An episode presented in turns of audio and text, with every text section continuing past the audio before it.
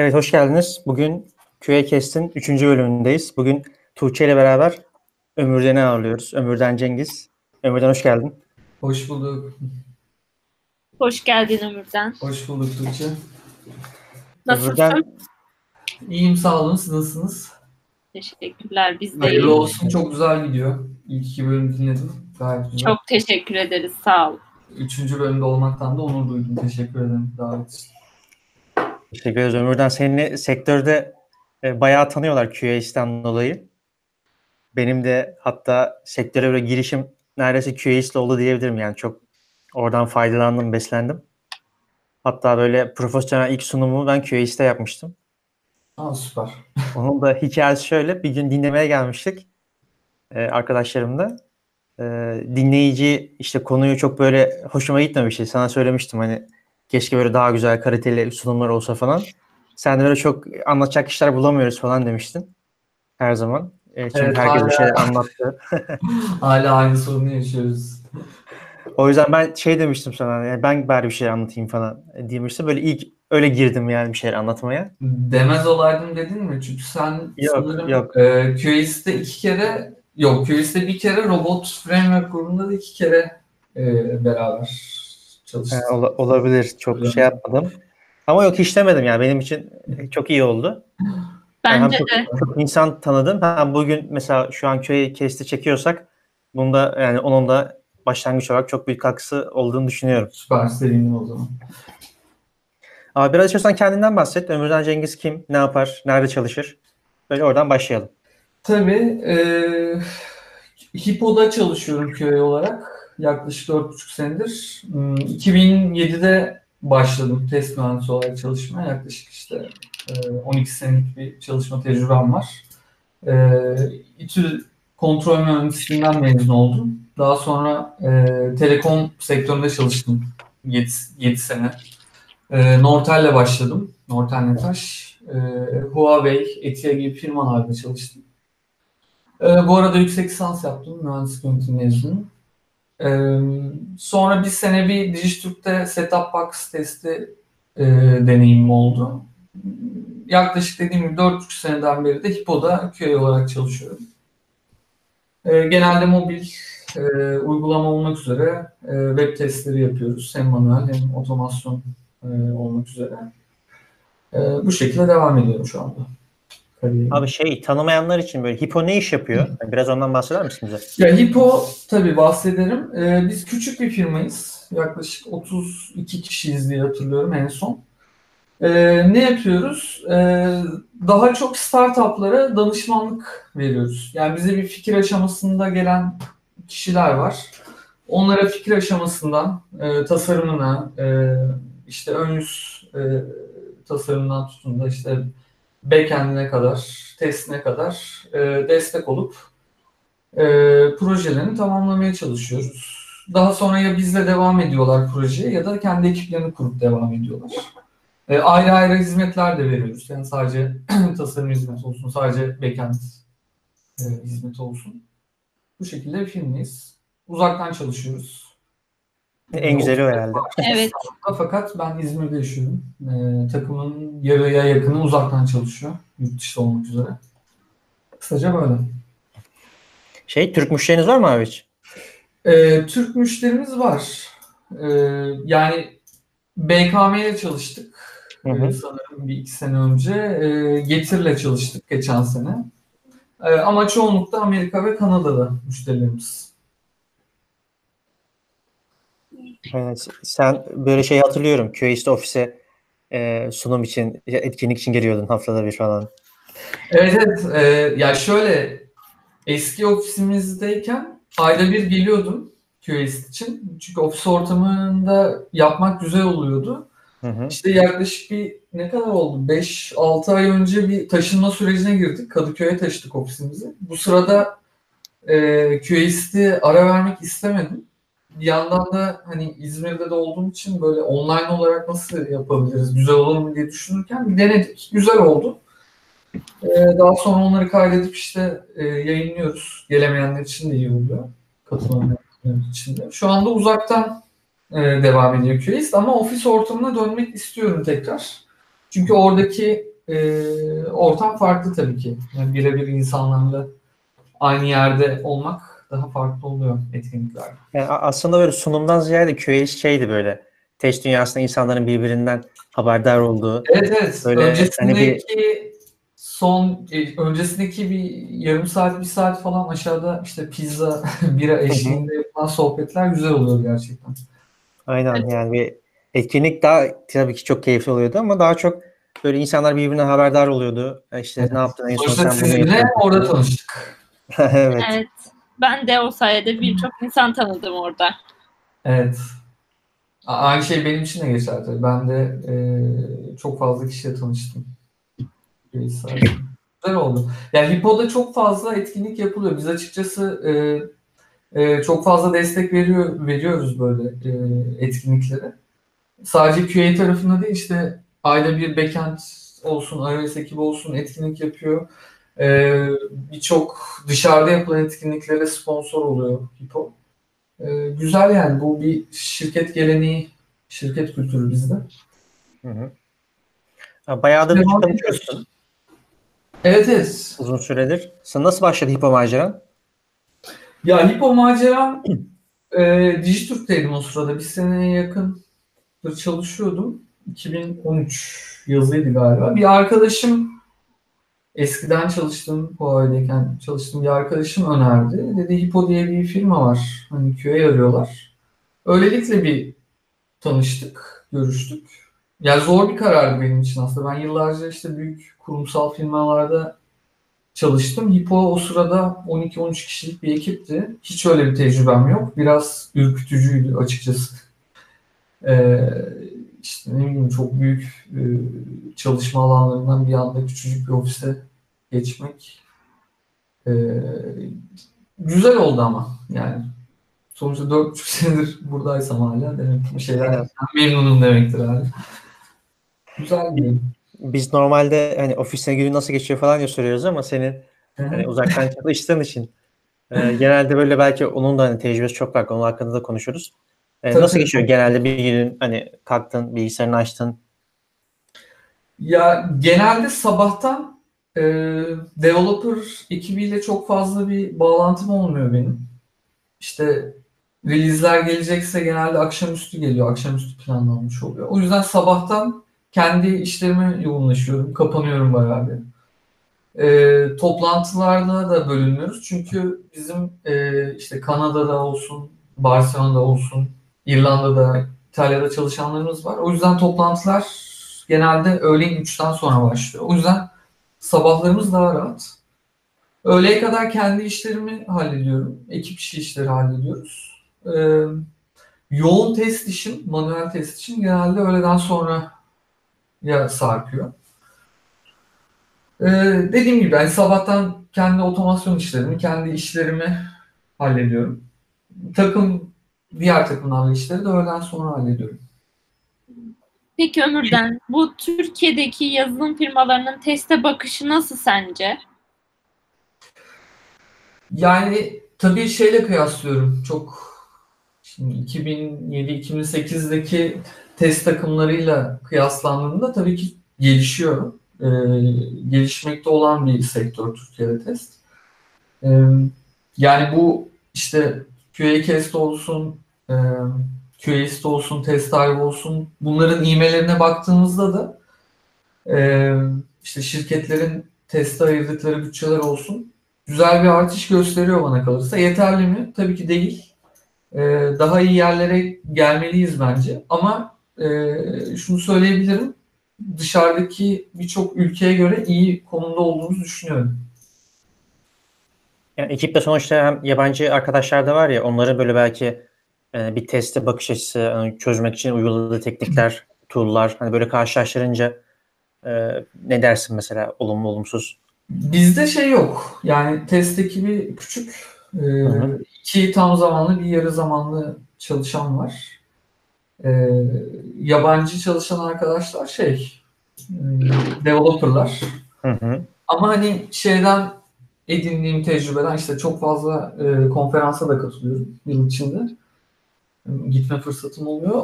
Orayla kıyasladığımızda mesela e, çoğu ülkeden bence iyi konumda olduğumuzu düşünüyorum. Aynen bayağı seni şey yapıyoruz. E, etkinliklerde Robocon'a da gittim bu sene. Evet, Robocon'a da gittim Helsinki. Güzeldi o. Sen de robot, yeni robotçulardan aynen aynen. Hoşuma Şey, gidiyor. Böyle bir ara seninle uzun uzun konuşmak istiyorum. Biraz aslında konferanstan da bahsedebilirsin. Ömürden nasıl geçti? Ee, Robocon güzeldi. Helsinki'de e, yani Finlandiya çıkışlı bir tool. Robot Framework. Ee, ikincisini yaptılar diye hatırlıyorum yanlış hatırlamıyorsam. Kalabalıktı. Çok kalabalık bir etkinlikti. Çoğunluğu tabii e, Finlandiya'dan, Helsinki'den de hatta birçok katılımcı. Ee, yani Türkiye'den sanırım tek ben vardım. Ee, güzel oldu. O ekiple falan tanışma fırsatı buldum. Çok iyi insanlar. Çok yani vizyonları çok güzel. Ee, çok daha geliştireceklerini düşünüyorum. Hatta o gidişimizde işte e, robot framework komünitesinin çok gelişmesini isteyen bir ekip. Meetup gruplarını kurun, biz arkanızdayız diye e, böyle bir gaza getirdiler herkesi orada. Bunun üzerine zaten Robot Framework Türkiye grubunu kurdum hemen Meetup'tan ve e, güzel oldu. Sinan sağ olsun iki kere orada bize eğitim verdi. Gayet güzel de bir e, katılımcı sayısı var şu anda o Meetup grubunda. E, Evet. Biz de Robot Framework kullanıyoruz. Yani güzeldi dediğim. Konferans seneye tekrar gitmek isterim açıkçası. Sinan sağ olsun bize de sevdirdi. Blue TV ailesi olarak biz de onun sayesinde Robot Framework kullanıyoruz. evet, Evet, bir de Sinan'ın sunumları gerçekten çok güzeldi. Yani Çok başarılı. Kaçıranlar için e, şeyden YouTube'da mevcut QS kanalında. E, böyle bir tool'u nasıl sevdirir gayet iyi yapıyor bence. bir gün herkes robotu satacak abi. Evet. Güzel. Robot Framework güzel bir tool gerçekten. Peki Ömür'den sana bir soru daha yöneltiyorum. Bir QA sence hem otomasyon hem manuel test yapabilmeli mi? Yoksa bunlar bunların title'ları ayrılmalı mı? Ne düşünüyorsun bu konuda? Bana kalırsa bu çok genel bir soru. Yani bu benim cevabım da tabii birçok şeyde e, geçerli olmayabilir de bence nesnel koşullar önemli. Yani mesela Hippo için konuşmam gerekirse e, iş işler belli, e, kendini tekrar eden testler belli. E, yani tüm testleri otomatize edemesek de mutlaka e, bir kısmını etmemiz gerekiyor ama hepsini edebilecek yeterli e, iş gücümüz yok. E, bu yüzden hani Hippo'daki olan testçi ya da QA e, hem otomasyon hem manuel test yapabiliyor olmalı. Ki bizde böyle şu anda. Yani ikisini de yapıyoruz. E, ama başka bir organizasyondan bahsedersek e, yani otomasyon testlerini yazan ekiple manuel test yapan ekip çok farklı olabilir.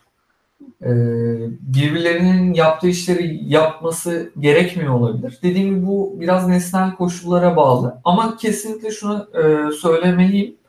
Manuel test bakış açısına mutlaka e, tüm testçiler sahip olmalı. Yani hani ben otomasyon yazıyorum sadece deyip e, manuel testin e, o ruhunu diyeyim, o tekniğini e, bilmeyen bir testçi bence yanlış şeyler yapabilir otomasyonda da. Abi sizin şimdi e, Hippo'da böyle SaaS bir ürününüz yok değil mi? Yani sonuçta size problemle geliyorlar. Siz o problemi çözüyorsunuz. Onlara bir çözüm sunuyorsunuz aslında. E, evet. E, aslında o zaman yaptığınız böyle projenin test ayağı da bunun içinde mi? Yani e, evet, otomasyon içinde. kısmında hani biz bunu yaptık, otomasyonda bu. Alın artık sizin hayatınıza devam edin. Ya aynen. Ya her projede değil tabii ki bu. Ee, bizde mesela şu anda sanırım 7-8 proje var. Ee, bunun 2-3 tanesinde otomasyon testleri yok. Şimdi bizde 4,5 senedir benim içinde olduğum proje de var. Ama 3 aylık projeler de var sadece. Yani 3 ay sonunda biten ya da 6 ay sonunda biten. Ee, otomasyon testinin tamamen e, boşa zaman e, harcayacağımız e, projeler de var. Daha doğrusu yetiştiremeyeceğimiz ve Hani bu bizim için gereksiz bir efor e, sarf etmemize neden olacak testlerimiz, projelerimiz var. E, değişiyor dediğim gibi projeden proje. Peki mesela ekipteki developer arkadaşların QA'ya bakış açısı nedir? Mesela şey diyorlar mı? İşte bir developer da QA rolünü üstlenebilir. Hani o role ne gerek var gibi hiç bakış açısı var mı? Hani sen bu Ha, yok, yok kesinlikle öyle bir bakış açısı yok. Ee, şeyin gayet farkındayız. Yani QA'in e, takım içindeki gerekliliğin farkındalar. E, o bakış açısının farklı olduğunu biliyorlar. Hani mutlaka e, feature'ları kodlarken de e, bizden destek de alıyorlar e, bir yandan. E, ya bu ayrım var şirket içinde gayet iyi işliyor. O, o tarafta bir sorun yok. Peki kendinin ve ekibinin motivasyonunu, disiplinini ayakta tutmak için kullandığın metotlar, özel olarak yaptığın bir şey var mı? Ya açıkçası çok özel yaptığımız bir şey yok. Ekip zevkli. Yani bir bug bulduğumuzda ya da e, bir şeyi başardığımızda seviniyoruz. yani bir şeyi insan başardığında bunu kutlayabilmeli. E, bu büyük motivasyon kaynağı bence. Yani bulunan her bug bence bizim için motivasyon kaynağı. E, onun dışında Dediğim gibi çok fazla projemiz var. Projeler sık sık da değişiyor. O yüzden böyle hani tek projeye gömülüp aylarca e, aynı testleri yapmak ya da aynı testleri yazmak zorunda kalmıyoruz. Bu da aslında çok büyük bir avantaj bizim için. Sürekli bir bakış açısı, sürekli bir yenileme var e, ekipte. E, yani ekstra bir şey yapmaya gerek kalmıyor açıkçası. İletişim önemli tabii yani bu motivasyonda. Hmm, Hani öyle bir takım içi iletişim de çok iyi. O yüzden ekstra bir şeye ihtiyacımız olmuyor açıkçası. Peki abi ekipteki QA developer oranı hani sizin belki küçük bir ekip ama yani eski çalıştığın şirket veya yurt dışında böyle tanıştığın firmalar, etkinliklerde vesaire onları da işin içine katarak bu QA developer oranı ne olmalı sence? Ee, yani 3'e 1, 4'e 1 iyi bir oran aslında. Hı hı. Ama tabii dediğim gibi o nesnel koşullarda her zaman bunu sağlamak çok zor. Ee, bizde oran mesela yani ne diyeyim 2 1 bölü 10'dan daha az. Hı hı. Yani yeterli mi? Tabii ki değil. Hiçbir zaman yeterli olmayacak. Test ekibi açısından bu oran. Ee, ama hani 3'e 1, 4'e 1 olan e, ekiplerin başarı oranlarının çok e, iyi olduğunu görüyorum. Yani o da biraz işte daha az iş çıkıyor. Tabii sprintler de küçük olduğunu düşünürsek Hı hı. gerçekten daha fazla odaklanabiliyorsun. Yani benim Evet. bakış açım. Ee, bu bayağı katkı sağlıyor. Çok fazla developer olursa çok fazla iş çıkıyor. Hani QA'nin ona ayıracağı zaman belki biraz azalıyor. Ee, genelde böyle ideali ben de katılıyorum böyle 4'e 1, 3'e 1. Tabii Herkesin imkanı olmasa da her şirketin. Evet yani ben o oranı en son e, sanırım şeyde gördüm. Nortel zamanında görmüştüm Netaj'da. E, o da battı tabii. Şey peki şimdi QA arıyor musunuz bu arada şimdi? Öyle bir şey hissettim az önce. Yok şu anda e, bir arayışımız yok. En son bir part-time bir arkadaşımız başladı. E, o da okulu bitmek üzere. Bittikten sonra muhtemelen full-time devam edecek. Böyle şey ama, e, Böyle İK süreçlerine dahil oldun ama değil mi? Hani iş görüşmeleri Tabii, vesaire. Tabii tabii. Burada, evet burada oluyor. Peki Mesela nelere QA dikkat ediyorsun?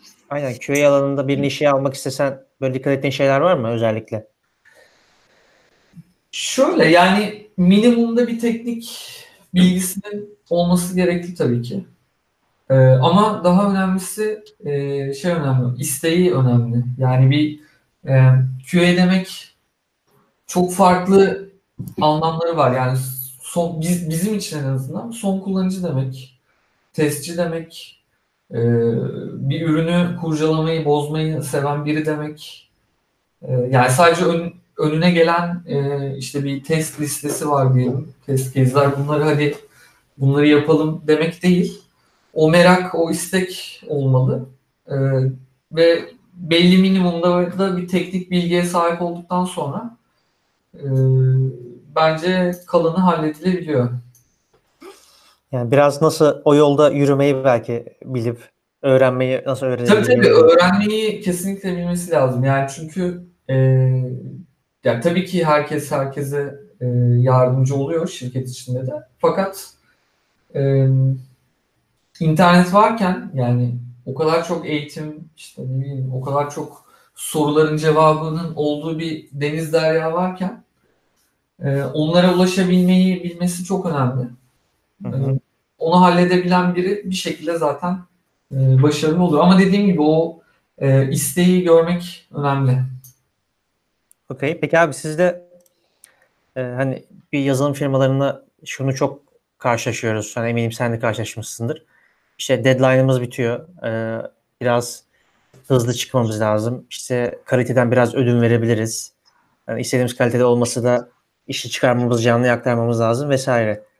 Böyle deadline ve kaliteden ödün verme konusunda neler söyleyebilirsin bize?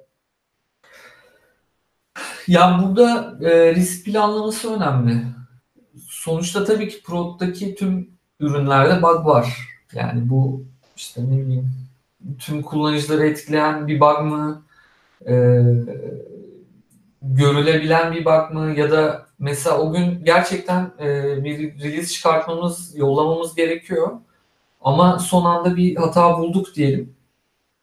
Ama pazartesi ya da salı ona bir hotfix çıkabiliyorsak ve o e, çok kri- kritik bir bug değilse, çok kritik demeyeyim, kritik bir bug değilse bu şekilde e, yollanabilen durumlar var. Hı hı. E, yapıyoruz da çok fazla. Çünkü bazen gerçekten e, o ürünün o prod'da olması gerekiyor o gün. E, ya da daha önemli bir sorunu çözmek için bir e, fix yolluyorsanız ve bu ufak bir hataya sebep oluyorsa bu kesinlikle ufak hatayı ezebilir. Bu sorun yok. Sence o bulunan bug'ların e, raporlaması nasıl olması gerekiyor? E, raporlamada yani online bir tool kullanıyoruz. Hı hı. Bir kere biz de bu süreci e, yaşadık. Yani bazen eksik raporlama yaptığımız oldu. Developerlardan feedback geldi. E, biz tekrar bir raporlama düzeni oluşturduk. Ona da feedback geldi. En sonunda oturan bir kalıbımız var. Belli şablonumuz var. E, ekleyebildiğimiz kadar developer'a yardımcı olacak her şeyi ekliyoruz. Video çekiyoruz. Screenshot koyuyoruz. E, logları koymaya çalışıyoruz. E, kullanıcılara veriyoruz. E, yani bence iyi bir e, raporlama şu demektir. Developer e, hatayı tekrar çok yaşa. Yaşa. Developer e, bu hatayı tekrarlayabiliyorsa çok rahat bir şekilde, e, nelere etkisi olduğunu görebiliyorsa, e, önemini e, metriksel bir şekilde e, anlayabiliyorsa bu iyi bir raporlama demektir bana kalırsa. Aa, böyle o ortamı oluşturamadığın zamanlar oluyor mu? Yani mesela işte Getir'in uygulamasında işte uyduruyorum saat en, en yoğun olduğu 7 ile 8 akşam saatlerinde böyle yüksek yükte bir problem yaşıyorsunuz ama hani onu örnekleyemiyor developer. Hani öyle durumlar hiç oluyor mu? Ee, evet evet yani Getir üzerine konuşmuyorum. O Getir'le bu arada tasarım olarak çalıştık sadece. Evet, örnek bir canlandırma olsun diye. Oluyor oluyor tabii yani e, çok farklı problemlerle QA tarafında gerçekleştiremediğimiz çok fazla e, gerçekleyemediğimiz çok fazla sorunla karşılaşıyoruz açıkçası. Çok farklı case'ler deniyoruz olmuyor. Yani o o hesapla denemeye çalışıyoruz en sonunda bazen onunla bile olmuyor. E, loglardan yakalamaya çalışıyoruz. Bir şekilde yakalanıyor ama bu büyük bir sorun tabii. Hı hı. Tabii bu bir de zaman kaybı, efor kaybı. Ne kadar geciktikçe hatanın etki edebileceği kullanıcı sayısı artıyor bir yandan. Başımıza geliyor. Ömürden şimdi biraz önce bu e, deadline'dan, kaliteden ödün vermekten vesaire bahsettik ya. E, burada mesela siz e, sıfırdan proje de yapıyorsunuz veya işte belli bir noktada belki sizden destek isteyen, danışmanlık isteyen firmalar da oluyor. E, burada e, böyle müşterinin tam istediğini vermek mi sence böyle çok önemli yoksa e, hani aynı istediğin değil de o problemi çözebilecek belki farklı mühendislik örnekleriyle bir şeyler sunmak mı daha önemli olabiliyor? Ya kesinlikle. Ee, sonuçta daha iyi bir e, yöntem varsa, daha iyi bir çözüm varsa e, mutlaka onu sunuyoruz ve birçoğu çoğu zaman da bu müşteri tarafından kabul ediliyor zevkle. Hı hı. Ee, ya bu müşterilerin de bakış açısıyla alakalı tabii ki ama şimdiye kadar çalıştığımız müşteriler hiç şey değil. Yani biz bunu istiyoruz, bu böyle olmalı e, şeklinde yaklaşmadılar. Yani gerçekten iyi bir çözüm var, daha iyi bir çözüm varsa hepsi daha iyi çözümün yanında oldular. Güzel bir şey. Çok fazla bu şekilde e, çözüm sunabiliyor, sunduk şimdiye kadar. Hı hı. Peki Genel- bu E, genelde böyle e, hani böyle kusursuzu ister ya böyle firma yani müşteriler e, bu QA bakış açısıyla da işte kusursuz olsun, e, burası tamamen problemsiz olsun vesaire gibi biz de belki çok bir projesine yoğunlaşabiliyoruz. Böyle e, biz şunu düşünüyoruz aslında böyle kusursuzluk biraz iyinin düşmanı gibi düşünüyoruz. Ne dersin sen bu konuda? Yani kusursuzluk e, çok zor. Yani bu sosyolojik olarak da baktığınızda her şeye yani kusursuz hiçbir şey yok. Hı hı. Bu yazılımda da aynı şekilde. Yani pro- tüm testçiler produktta olan ürünlerinin bug'lı olduğunu bilir. Yani burada amaç olabildiğince e, az bug'lı yollayabilir, yollamaya çalışmak ve e, son kullanıcıların en iyi şekilde kullanmasını sağlamak. Yani öyle bir bug olabilir ki yıllardır e, Pro'da e, canlı bir şekilde duruyordur ama şimdiye kadar kimseyi etkilememiştir. Yani Hı hı. kusursuz mudur? Değildir ama işini görüyordur müşterinin. Bence o kadar e, keskin hatlarla bakmamak gerektiği düşünüyorum. Bizim müşterilerimiz de o kadar dediğim gibi bakmıyorlar konuya. Yani Çünkü hata zaman olabiliyor tabii ki. Bazen öyle bir şey oluyor ki hani o bir admin panelindeki bir alana belki sadece CTO giriyor mesela. O da hani yılda ayda bir giriyor. Belki hani orada böyle oturup saatlerini harcamak çok zaman kaybı olabiliyor. Yani evet çok e, kritik hatalar tabii ki çıkabiliyor. Yani benim de başıma geldi çok fazla. Bu ya bu bu hatalardan öğrene öğrene zaten bir şekilde daha kaliteli ürün nedir kafanızda bir şey canlanıyor. Hı hı. peki böyle kariyer hayatında kırılma noktam dediğim bir an var mı? Ee, kırılma noktam sanırım Kipo'ya geçmem olabilir. Yani çünkü anlattığım gibi hep kurumsal firmalarda çalıştım. Büyük firmalarda çalıştım. Ee, küçük bir startup'a, yani o zaman startup diyebiliriz aslında. Küçük bir startup'a geçmek e, biraz tedirgin edici bir şeydi. Ya olur mu acaba, yapabilir miyim dediğim bir şeydi ama çok güzel oldu. Bir başka hayatımın kırılma noktası sanırım şey, e, kontrol mühendisliği mezunuyum ben. E, İTÜ'den. E, ama ilk işim işte NETAŞ'ta test mühendisliği, mühendisliği. Oraya girmem de tabii ki büyük bir kırılma yaşattı. Yoksa hani şu an fabrikalarda işte endüstriyel otomasyon alanında çalışan biri olabilir. Ee, ama hani onun stajından sonra zaten bu işi yapmamaya karar verdim. Ee, her gün Kurtköy'e gidip fabrikada çalışmakla yazılım firmasında çalışmanın farkını görünce e, iyi yapmışım diye düşünüyorum. İyi yapmışım. Abi sen şimdi uzaktan çalışıyorsun ya. Evet. Böyle aslında birçok insanın yani yazılım sektöründeki birçok insanın hayalini bu. Hayalini yaşıyorsun. Ama eminim ki bunun da yeri geldiği zaman belki art- aslında bu kadar toz pembe olmadığı durumlar olabiliyor. Böyle bir QA bakış açısıyla uzaktan çalışmanın böyle getirdiği zorluklar var mı? Ya kesinlikle tabii ki var ama totale baktığınızda daha iyi. Ya bunu net söyleyebilirim. Hani şey demeyeceğim. İşte çok özlüyorum. İşte keşke ofiste olsam demiyorum ama e, zorlukları tabii ki var. Benim eşimle aynı firmadayız. E, o da o da o tasarımcı. E, işte İzmir'de evimizde arka odada ofis kurduk bir tane. Ee, orada çalışıyoruz. Ya disiplin önemli. Ben işte ne bileyim hani giyinip oturuyorum sürekli.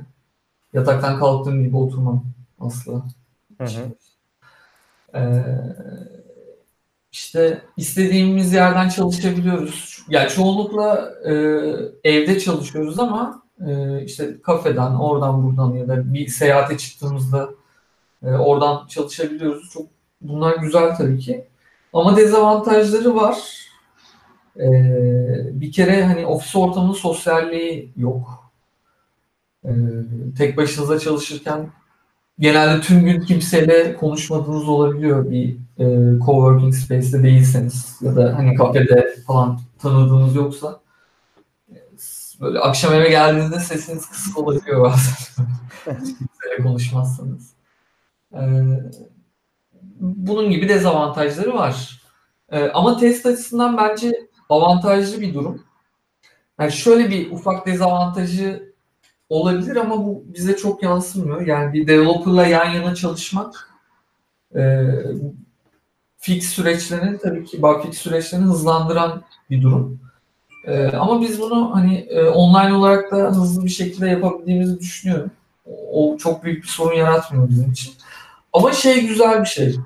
Benim bu konuyla ilgili de e, bir sunumum var. Yurt dışında da yaptı. Yani farklı ortamlarda e, test yapmak teste çok fazla şey katıyor. Ee, bir dışarıda bazen şey yapıyorum çünkü mesela bir app'i test edeceğim zaman sadece telefonla çıkıp işte bir kahvemi alıp kafede sadece onun testini yap- yapmaya odaklanıyorum. Hı hı. Çıkıp yürüyebiliyorum dışarıda. Yürürken test yapıyorum. Bunlar çok farklı deneyimler. Anlatıldığında çok alakasız gibi görünen ama uyguladığınızda gerçekten çok farklı e, noktaları bulabildiğiniz e, sonuçlar yaratıyor testte. E, farklı ortamlarda test yapmak böyle şeyler katabiliyor test açısından. Ama onun de- dediğim gibi onun dışında uzaktan çalışmak güzel. Abi senin bir de hani gündüz QA, akşam DJ bir hayatın var. O, o da var. Bir, yaklaşık 10 senedir DJ'lik yapıyorum. E, bu özellikle son 2-3 senedir, art, 3 senedir falan arttı. Hafta sonları genelde İstanbul'dayım. Bize daha kıs- kısmet olmadı da bir gün inşallah buyurun gelin bekleyin. dinlemeye geleceğiz. Evet o da güzel ya. O hayatımdan çıkaramadığım bir şey. Ee, bazen yorucu olabiliyor tabii ama severek yapıyorum. Hiç mesela bu hani müziğin böyle QA anlamında böyle hayatına böyle bir dolaylı olan katkısı olduğunu hissettin mi? Yani şöyle bu yaptığımız etkinlik bayağı büyük bir etkinlik İstanbul'da. Onun da işleri oluyor. İşte ne bileyim onun organizasyonu, reklamı, Hı hı. işte mekanla görüşmeleri, ıvır zıvırı derken çok fazla işleri var. İşte ben bir yandan bu DJ'lik, bir yandan iş, bir yandan ne bileyim normal sosyal hayatım derken çok çok düzenliyimdir o yüzden. Ee, yapılacaklar listem falan çok düzenlidir. Günlük yapılacak şeylerim haftalık, acelesi olmayan yapılacak işler falan. E bu düzenin ister istemez o test tarafındaki organizasyona katkısı olduğunu düşünüyorum.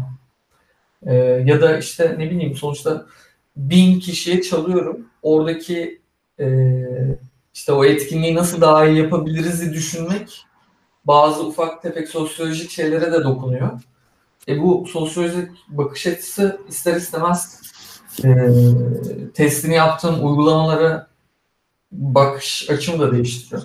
Hı hı. Yani- Böyle şeyler var. Çok dile dökemediğim ama e, emin olduğum katkıları var. Evet Tuğçe.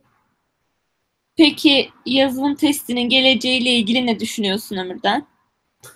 Yani daha çok e, gelişir mi?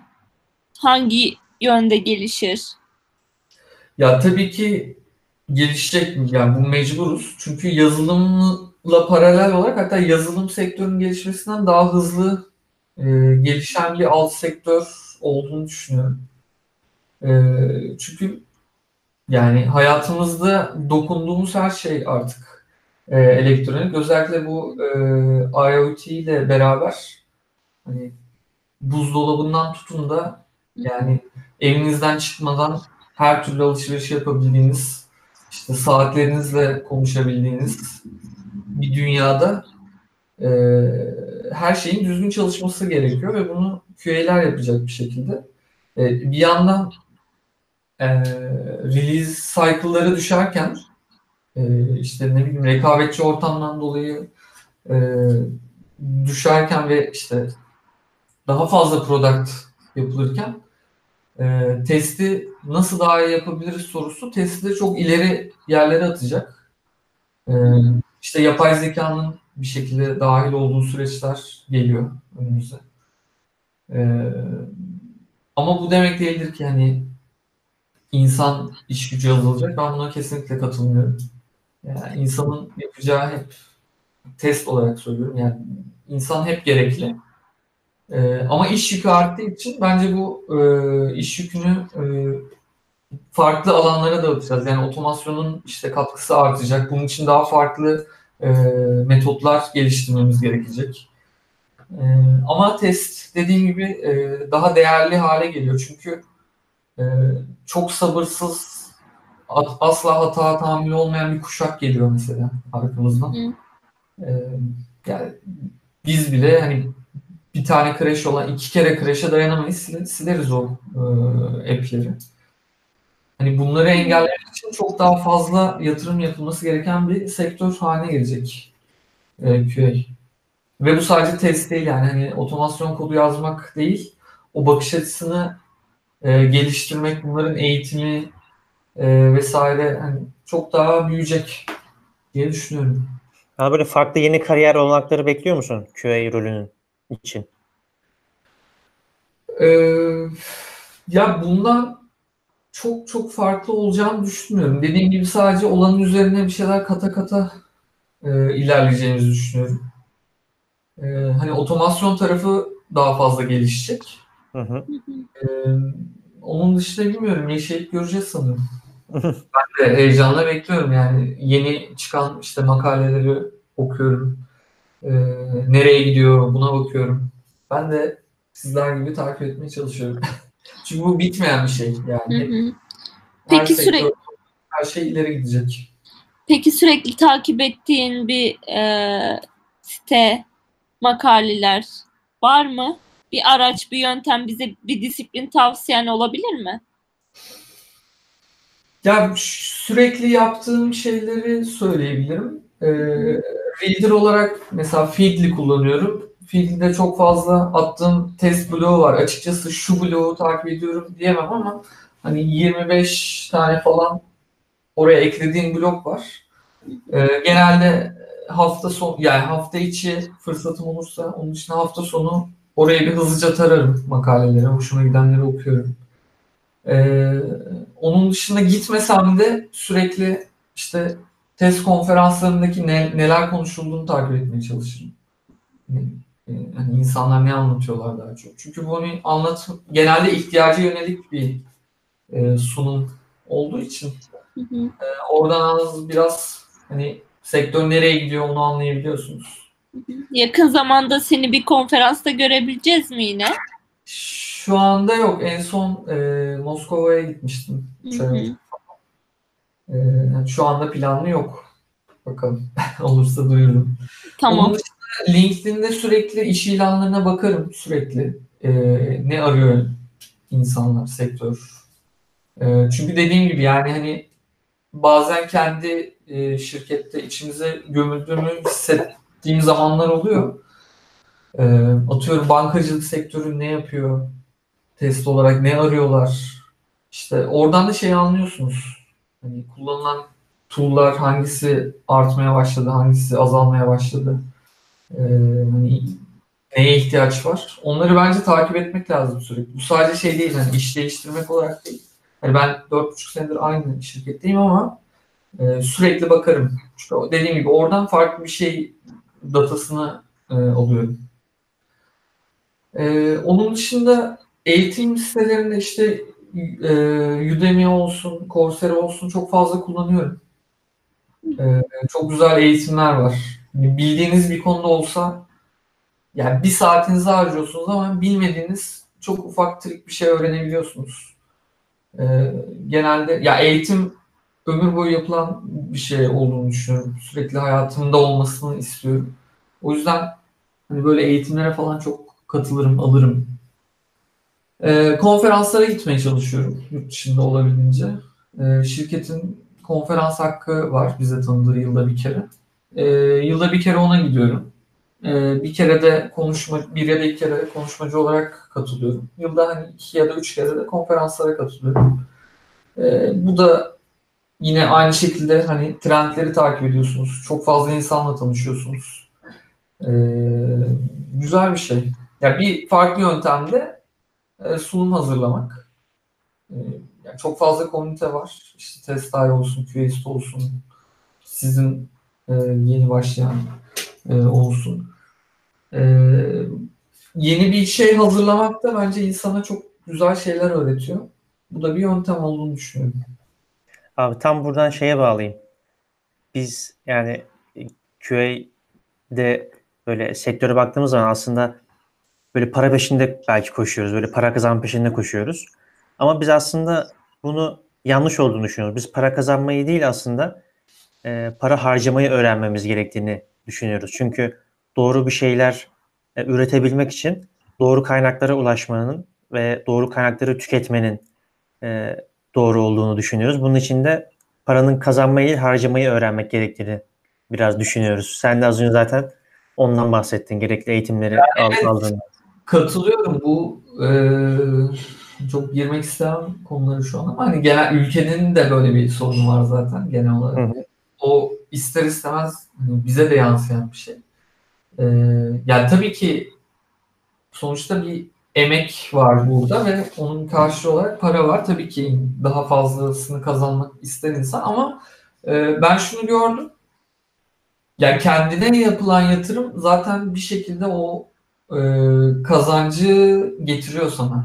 Yani daha Hı. iyi olduğun pozisyondan bir üst pozisyona geçebilmen anlamında ya da farklı bir şirkete gitmen anlamında e, yani kend, insanın kendine yaptığı yatırım e, mutlaka eğer o gözle bakacaksak parayı getiriyor diyebilirim.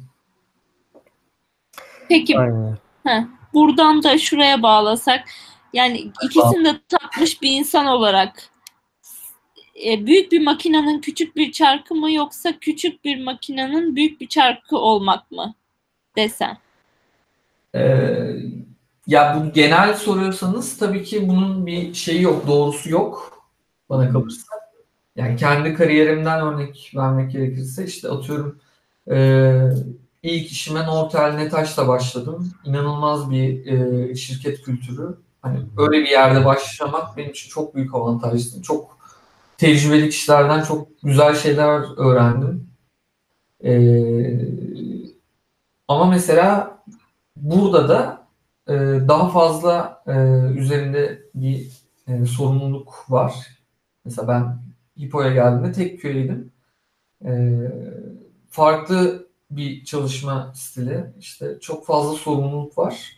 E, ama bunun avantajları da çok iyi. Mesela hani kendi ya burada şöyle bir avantajım vardı. İşte e, istediğim tool'u kullanabiliyordum. Hala öyle bu arada. Ekip içinde de konuşuyoruz. Yani ben projede işte Python'la yapmak istiyorum derse yapabilir. Çünkü önümüzde teknik olarak hiçbir engel yok. Ee, işte ben kendimi şurada geliştirmek istiyorum, bu dille yazmak istiyorum dediğimde de yazabilir. Mesela bu şirkette böyle bir e, çok geniş bir alan var önümüzde. Ama ben bunu işte daha önce çalıştığım telekom firmalarında asla yapamazdım. Çünkü orada oturmuş bir sistem var. E, değiştirmek çok zor. E, orada öğrendiğiniz, e, kendinize kattığınız şeylerle buradakiler çok farklı. Ben bunu tercih ederim şu anda. E, yani küçük neydi sorun unuttum. Yani büyük bir makinenin küçük bir Makine. çarkı olmak mı yoksa küçük bir makinenin büyük bir çarkı olmak mı? ben şu an sanırım küçük bir makinede büyük bir çarkım. Şu an tercih ediyorum. Ama dediğim gibi bu nesnellikle değiş, değişebilen bir şey. Daha önce de onu tercih ediyordum. Hani orada çalışmak da çok zevkli, farklı, e, güzel yanları var. Abi ikisi de çok farklı disiplinler katıyor, bakış açısı katıyor. Kesinlikle. Yani- Yani, bu tecrübe edilmesi gereken bir şey. Yani özellikle mesela sen ikisini tecrübe ettin. Belki yarın bir gün kendi startup'ını kursan yani hem o büyük makine nasıl çalışıyor onu da çok iyi biliyorsun. Hem Hı bu hı. küçük makine nasıl çalışıyor, nelerin belki daha iyileştirilebilir. Bütün aşamalarını daha iyi biliyorsun. Yani bir e, çok farklı alanlarda böyle harman harmanlamışsın yani bu bence kariyerin için çok iyi bir nokta. Evet yani o e, işte atıyorum büyük kurumsal bir firmada işleyen bir test süreci bizde işlemez ya da bizim yaptığımız, bizim uyguladığımız süreç orada asla işleyemez. Yani dediğim gibi hani elinizde ne var? Nasıl bir projedesiniz? insan kaynağınız ne? Nasıl bir şirket kültüründesiniz? Buna göre kendi süreçlerimizi oluşturduk. E, zamanla oluştu. Bu da bir anda olan şeyler de değil yani. Hala da değişen şeylerimiz var geliştirmeye çalıştığımız süreçler var. Ee, dediğim gibi nerede olduğunuza bağlı olarak e, değişiyor bunlar. Peki abi dedin ya mesela istediğim tool'u seçiyorum vesaire. Böyle hiç konfor alanından çıktığın hani bu kolay olanı kullanmayayım biraz e, hani diğerini kullanayım dediğin böyle zamanlar oluyor mu? Ee, oluyor tabii. Tool değiştirme anlamında bu sıra olamıyor maalesef. Çünkü dediğim gibi hani e, insan kaynağımız çok fazla değil. Açıkçası ya bazen e, kafamı kaldıramıyorum. Hani yeni bir şeyi atıyorum yeni bir tool'u deneme fırsatı bile bulamıyorum. Hı hı. Ee, ama şey hani fırsat olduğunda işte e, farklı bir teknolojiye geçtiğimiz oluyor. En azından bunu deniyoruz. Ee, denedik ve olanlar e, devam ettiğimiz e, zamanlarda oldu. Yani. Aslında şey biraz daha böyle genel yani genelleştireyim soruyu biraz daha açayım. Böyle hani konfor alanından çıkmayı çok sevmiyoruz. Böyle kolay olanı belki tercih ediyoruz. Ondan vazgeçmek istemiyoruz. Hani bu kimi zaman bir teknoloji tool olabilir. Aha. Ee, başka bir zaman mesela işte yurt dışında belki İngilizce sunumlar yapıyorsun. O senin için bulunduğun konfor alanından böyle çıkmak oluyor. Hı hı. Ee, yani böyle sık sık çıkmayı seviyor musun? Böyle QA pozisyondaki böyle sektöre yeni giren arkadaşlar bu konfor alanında kalmalı mı? Ne kadar kalmalı? Ya insan e, yani kendi, bu sporda da aynı şekilde. Hani kendinizi zorlamazsanız gelişemezsiniz. Bu her şeyde geçerli bir şey dediğim gibi. E, yani bunu yapmak gerekiyor. Sürekli aynı şeyi yaparsanız yeni bir şey öğrenemezsiniz. Bakış açınız o şekilde kalır.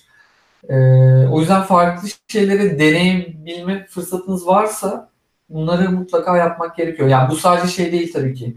Hani farklı bir tool'u şirkette kullanamıyor olabilirsiniz ama yani ona e, nasıl diyeyim yani şirketten dolayı ya da projeden dolayı böyle bir imkanınız yoktur ama dediğim gibi çok güzel bir sunum hazırlayıp e, QA'de sunabilirsiniz. QA'de sunabilirsiniz. güzel. evet. İhtiyacımız olan şeyler bunlar. Yok yok, evet. Dediğim gibi genel anlamda insan kendini zorlaması gerekiyor mutlaka. Ya bu her şeyde geçerli. Yani sabah erken kalkamıyorsunuz, zorlayıp kalkmanız gerek ki alışabilirsiniz. Yani hani ben kalkamıyorum deyip bir kere denemekle olacak iş değil mesela. Aynı aynı yere varıyor. Ha, mesela gece DJ gündüz uzaktan çalışan bir QA olarak e, mesela çok disiplinli olduğundan vesaire bahsettin ya biraz önce. Böyle Evet. zamanı yönetimi konusunda ne söyleyebilirsin? Onun için böyle kullandığın böyle pratikler var mı zaman yönetimi konusunda bizlerle paylaşabileceğin?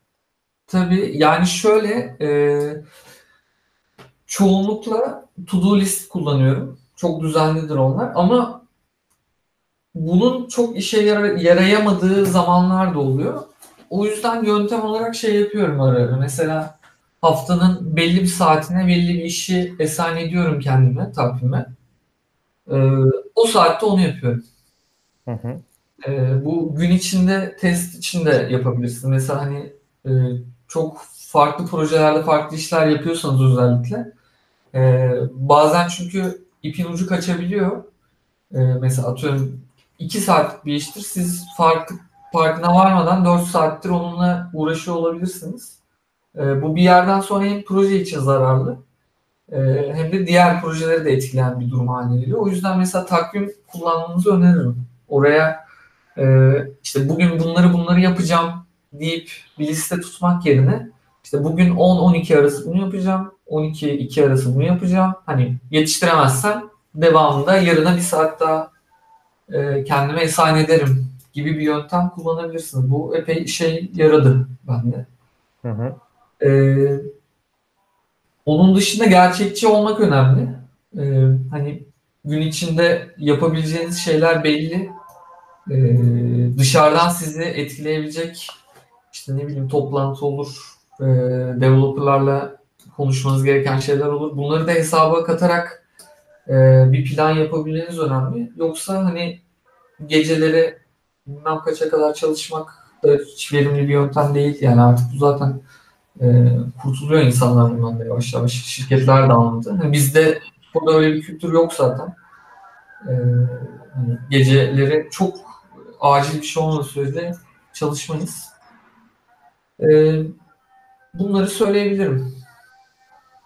Yani bu tabii şey şirkette çok fazla projeyle e, haşır neşir olduğumuzdan dolayı da ister istemez böyle şeylerde biraz e, kendimizce yeni pratikler bulduk. Bunları kullanıyoruz. Abi şey Agile mi çalışıyorsunuz? Jira vesaire board. Ee, tam agile diyemem. Biraz kendi uyarladığımız uyarladığımız şekilde çalışıyoruz. Ya haftalık sprintlerimiz oluyor. Ee, hafta top işte hafta başına toplantı yapıyoruz bununla ilgili.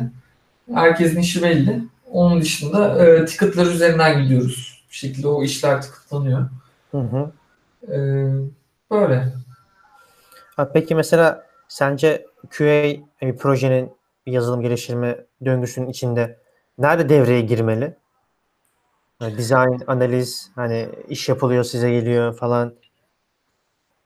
Ya dediğim gibi bu pratikte e, olabildiğince hani o sola kaydırma işini her şirket yapmalı diye düşünüyorum. Çünkü QA dediğimiz son kullanıcı. Yani son kullanıcı demek de ilk başta ilk gelen kişi demek aslında. Yani ilk e, isteği sunan kişi demek. Hı hı.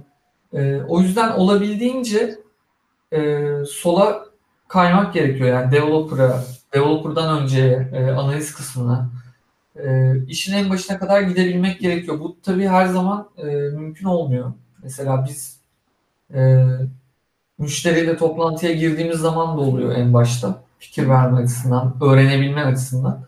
E, ama şu da oldu oluyor. Çok yoğun bir zamanda bize mesela ilk release geldiğinde elimizde ne test oluyor, e, ne çok büyük geniş bir bilgi birikimimiz oluyor konuyla, projeyle ilgili, ne dokümanımız oluyor elimizde. Hani böyle zamanlar da oluyor.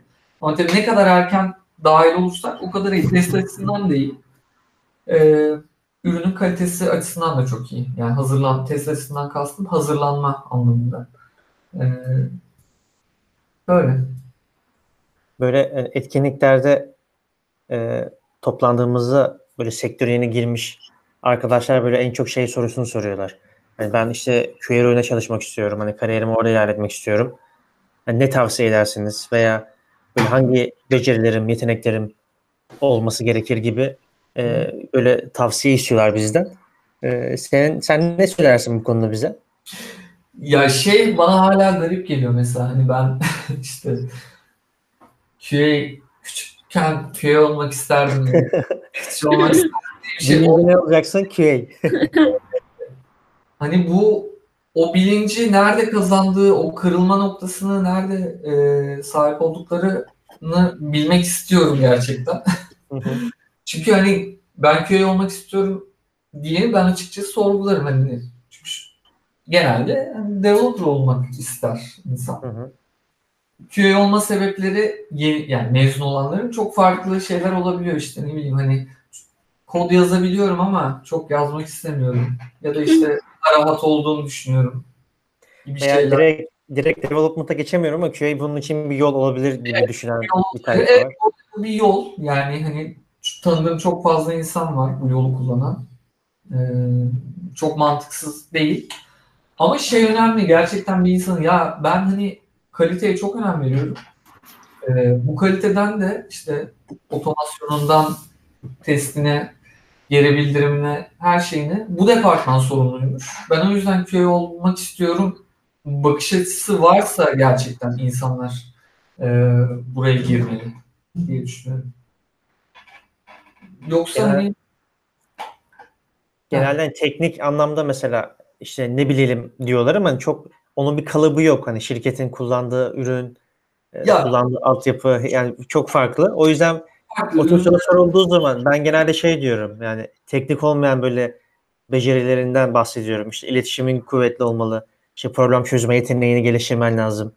İşte ne bileyim öğrenmeyi öğrenmeyi bilmen lazım. Hangi alanda çalışacaksan o domain hakkında bilgin olsa iyi olur vesaire gibi şeyler cevaplıyorum da. Ee, evet kesinlikle katılıyorum ama hani teknik olarak da en azından mesela hani bana daha işte öğrenci olan işte biraz bilgi verebilir misin? Ee, neler kullanıyorsunuz diyen kişilere e, hani bir Selenium'la işte ufak bir e, web testi e, yapmasını öneriyorum. Çünkü işte atıyorum Google'ı açıp bir şey aratıp o sayfaya tıklayıp o sayfa içinde bir yerin e, doğru açılıp açılmadığına bakması bile hani gerçekten genel olarak bu QA departmanı ne yapıyor hakkında az da olsa e, bir fikir sahibi olmasına e, yeterli olur diye düşünüyorum. İşte onun kurulumunu yapmak, kurulum sırasındaki bir hatayı düzeltebilmek, hani bir driver nedir, ne işe yarar, ne yapıyor. Yani teknik olarak böyle şeyleri e, kurcalayabilirler.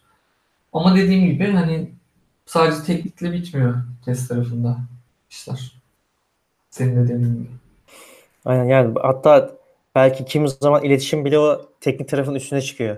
Evet kesinlikle. Yani burada dediğim gibi bakış açısı o ürün o kaliteyi yakalama e, işi çok farklı bir şey.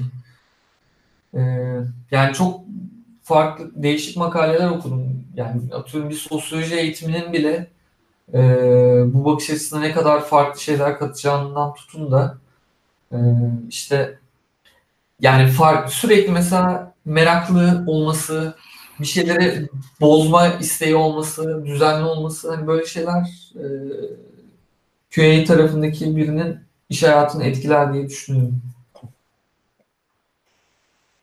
Çünkü yani genel olarak hani bunu işte Hayır. canlı çıkaralım değil, asıl amaç canlıya çıkartmamak yani. Yani e, ya da minimum hatayla canlıyı çıkartmak. Doğru. Evet, bu yüzden yeni mezunlara QA listi takip etmelerini öneriyoruz. Tabii ki sadece yeni mezunları değil. Yani QS sizin de söylediğiniz gibi çok şey kattı benim hayatıma. Çok şey öğreniyorum. Sunumlar çok güzel. Evet. Çok fazla insan. Bu sadece QS değil bu arada. Yani çok fazla e, etkinlik var. Türkiye dışında da, Türkiye'de de, İstanbul'da da. Başka şehirlerde nasıldır bilmiyorum ama ben işte LinkedIn'de görüyorum artık işte e, şirketlerde sürekli olması da tek etkinlikler yapılıyor. Üniversitelere şirketlerden giden e, insan sayısı artmış gördüğüm kadarıyla. E, workshoplar veriliyor. E, çok güzel yani bunlar. Ankara'da da bir community kurulmuş, test komünitesi. Süper. Evet, gitgide bütün Türkiye'ye de yayılıyor. Yani dediğim gibi umarım daha güzel yerlere gelecek bu sektör. Abi yurt dışında etkinliklerle falan böyle duyduğun, kulağına gelen böyle radarınıza kesin alın dediğin böyle bir tool falan var mı? Framework vesaire. Ee, yani açıkçası son katıldığım etkinliklerde ekstra bir tool e, anlatıldığını duymadım. E, daha böyle şeye yönelmiş durumda insanlar. Prosesleri nasıl e, daha iyi hale getirebiliriz kısmına biraz odaklanılmış gibi bir izlenim var bende. Ee, yani çok fazla tool var. Hepsinin kendine göre bir avantajı var. Hepsini deneyebilmek imkansız. Yani e, dediğim gibi internette çok güzel kaynaklar var. E, bence hepsini denemek gerekmiyor bu arada. Yani 15-20 dakikalık bir e, sunumu izlemek bile işte ha ben bunu kullanabilirim ya da bu benim işime yaramaz demek için yeterli olabiliyor. Hı hı. Çünkü yani gün 24 saat e, işlerimiz belli her şeye e, zaman ayıramayabilir insan. Ya da ne bileyim şey olabilir. e, şirketlerde. Biz çok fazla yapmıyoruz ama hani herkes bir tool öğrenir ekstra. Bunu anlatır 10-15 dakika. Bu bile çok güzel e, bir bilgi birikimi demek o takım için. E, dediğim gibi yani o şirketin e, organizasyonu neyse ona göre de bir öğrenme biçimi de e, hayata geçirmesi gerekiyor. E, benim yeni çok duyduğum bir şey yok açıkçası. Selenium 4 çıktı. Biliyorsun hiç bilmiyorum ben kullanmadım daha ama E, evet. tecrübe ettin mi? Yok tecrübe etmedim. Burak sunum yaptı onunla ilgili. E, Ama videosunu göremedim ya. Geçen şey Video, videosunu ya ufak bir teknik sorun olmuş sanırım. Video yarım e, yarım kaydetmişiz. Onu o şekilde koymak istemedim ama koyacağım herhalde çünkü o kısmı bile bayağı doluydu. ben Burak çünkü gör- gördüm. Takip edecektim. Bugün de e, biraz işim var dedim. Videosundan seyrederim. Ara ara Evet. takip ediyorum. Göremeyince bir sorayım dedim hazır buradayken. sorun olmuş maalesef. E, koyacağım yakın. Bu hafta falan koyarım. Yarım ama olsun. Ne alırsak kar. Abi orada da şey sıkıntısı oluyor ya yani biz de bazen böyle işte eğitimler falan organize ediyoruz. Böyle Türkiye'deki yazılım kalitesini arttırmak için böyle QA'lere bir şeyler anlatalım aramızda. Kim neyi iyi biliyorsa vesaire diye. İşte böyle 60 kişi geleceğim diyor. 15 kişi geliyor, 16 kişi geliyor falan. Hani sen şeyisten daha Ya. tecrübelisin böyle. Canın sıkılmıyor mu hiç? Oldu. Yok yani tabii ki bir burukluk oluyor ama bu yapacak bir şey yok. Şey sonuçta insanlar işten çıkıyor. Her şöyle düşünün her zaman istediğiniz bir şeye gidemiyorsunuz sizde. Bu ekstra bir iş. Hani ne bileyim şey de değil. İşte maça gidiyorum, sinemaya gidiyorum gibi de bir şey değil. Kendinize kattığınız bir şey ekstradan. Bunun zaten bir zorluğu var. Ne bileyim İstanbul'da işte bunun trafiği var, o su var, o su var. Şey garip oluyor. QS'te e, cep telefonundan katılanlar oluyor bazen. Böyle dolmuşta işte metrobüste falan hatırlamıyorum kim olduğunu. Metrobüsten dinledi. Kamerayı da açık tuttu. Kim olduğunu dediğim gibi hatırlamıyorum. Yani müthiş bir şey bu. hani orada ayakta durabilmek zorken e, oradan ona katılmak ki tekrarı olduğunu bilmesine rağmen böyle güzel şeyler de oluyor ama ya yapacak bir şey yok işte 40 kişinin katıldığı etkinlik de oluyor. Online 5 kişinin katıldığı etkinlik de oldu. Ee, sonuçta şey hissiyatı güzel. Hani bir emek harcayıp herkesin yararlanabileceği bir şeyi e, kaydediyoruz. Oraya koyuyoruz. O- İşin o kısmı bence yeterli oluyor. Ben şey hatırlıyorum. New York'tan bir çocuk gelmişti. Yabancı. Hı hı. O an Evet. Meetup'ta dolaşırken herhalde QA'si görmüş. Çat kapı Eşi- yani. Eşi e, Türk onun. E, İki Türk evet. ziyarete gelmişler. O sırada ben de gittiğimde bakıyorum yurt dışına hani meetup grupları var mı yok mu ne var diye. Ee, çok fırsatım olmadı öyle ayaküstü hani konferans dışında katılmak ama o da o şekilde bulmuş. Güzel oldu. Bir kere katıldı. Bir kere işte New York'tan sunum yaptı. Ee, değişik tabii yani her ülkeden işte Avrupa'da çalışan tanıdıklarımla e, sunum yapmaya çalışıyorum. 2-3 kere yaptık. Hani oradaki test kültürü nasıl, şirketler neler yapıyor falan. Bayağı bir çünkü insanlar e, yani Avrupa'ya bir göç dalgası da olduğu için şu anda hani oraya nasıl gidebiliriz, neler yapıyorlar, neler bilmemiz gerekiyor gibi soru çok fazla herkeste. E, o yüzden güzel oluyor yani yurt dışından insanlarla e, sunum yapmak da. Siz de bence yapmalısınız. Buraya e, katılım olmalı diye düşünüyorum. Tu- Tuğçe'nin niyeti varmış. Ee, Güzel. bu, bu Stef'te niyetim var. Gustav de evet Evet. 2020, 2021. güzel. Gustav güzel bir konferans. Evet. Ömürden'le oraya gitme fırsatı bulmuştuk da e, Evet. Türkiye'den belli bir kadro. E, gerçekten çok başarılı bir konferanstı. Ben de tekrar oraya gitmek isterim. Evet bakalım bu sene Kasım gibi Hı hı. bir ihtimal biz de geliriz. İnşallah. Abi Çok bizim teşekkür ediyoruz. Bu kadar. Aynen. Çok teşekkür ederiz. Ağzına Ben sağlık. teşekkür ederim tekrardan konuk ettiğiniz için. Çok güzel oldu. En kısa Evet. sürede QA'de Kadıköy'de ofiste tekrar başlatmak ümidiyle. Ee, şey hazır artık yani ofiste başladı başka etkinlikler yapılmaya. Ee. Hı hı. sanırım bir iki ay içinde biz de orada tekrar geri döneriz. Tamam inşallah, İnşallah. bekliyoruz. Bekliyoruz sizleri de. Tamam hayırlı akşamlar. Çok teşekkürler. Sağ olun, iyi akşamlar. İyi akşamlar. Akşamlar.